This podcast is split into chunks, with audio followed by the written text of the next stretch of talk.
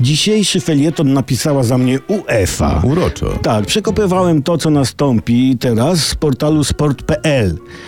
Muszę to mieć w swoim archiwum.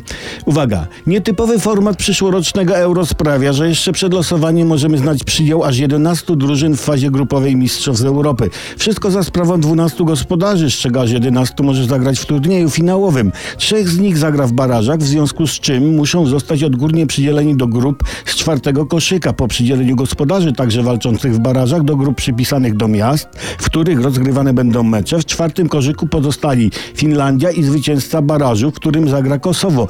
Wiadomo jednak, że Kosowo nie może zagrać w grupie z Rosją, przez co zostanie tam przydzielona Finlandia. A jeśli Polska wygra jedną bramką, a Niemcy pokonają Irlandię minimum trzema bramkami, to w przypadku zwycięstwa Węgrów z Walią Dania zagra w grupie z Rosją.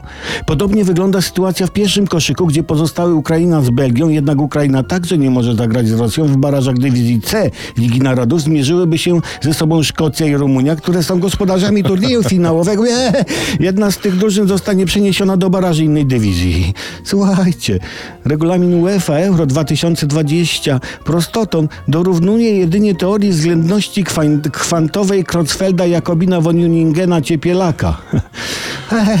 UEFA ma chyba zapalenie FIFA. Chyba tak.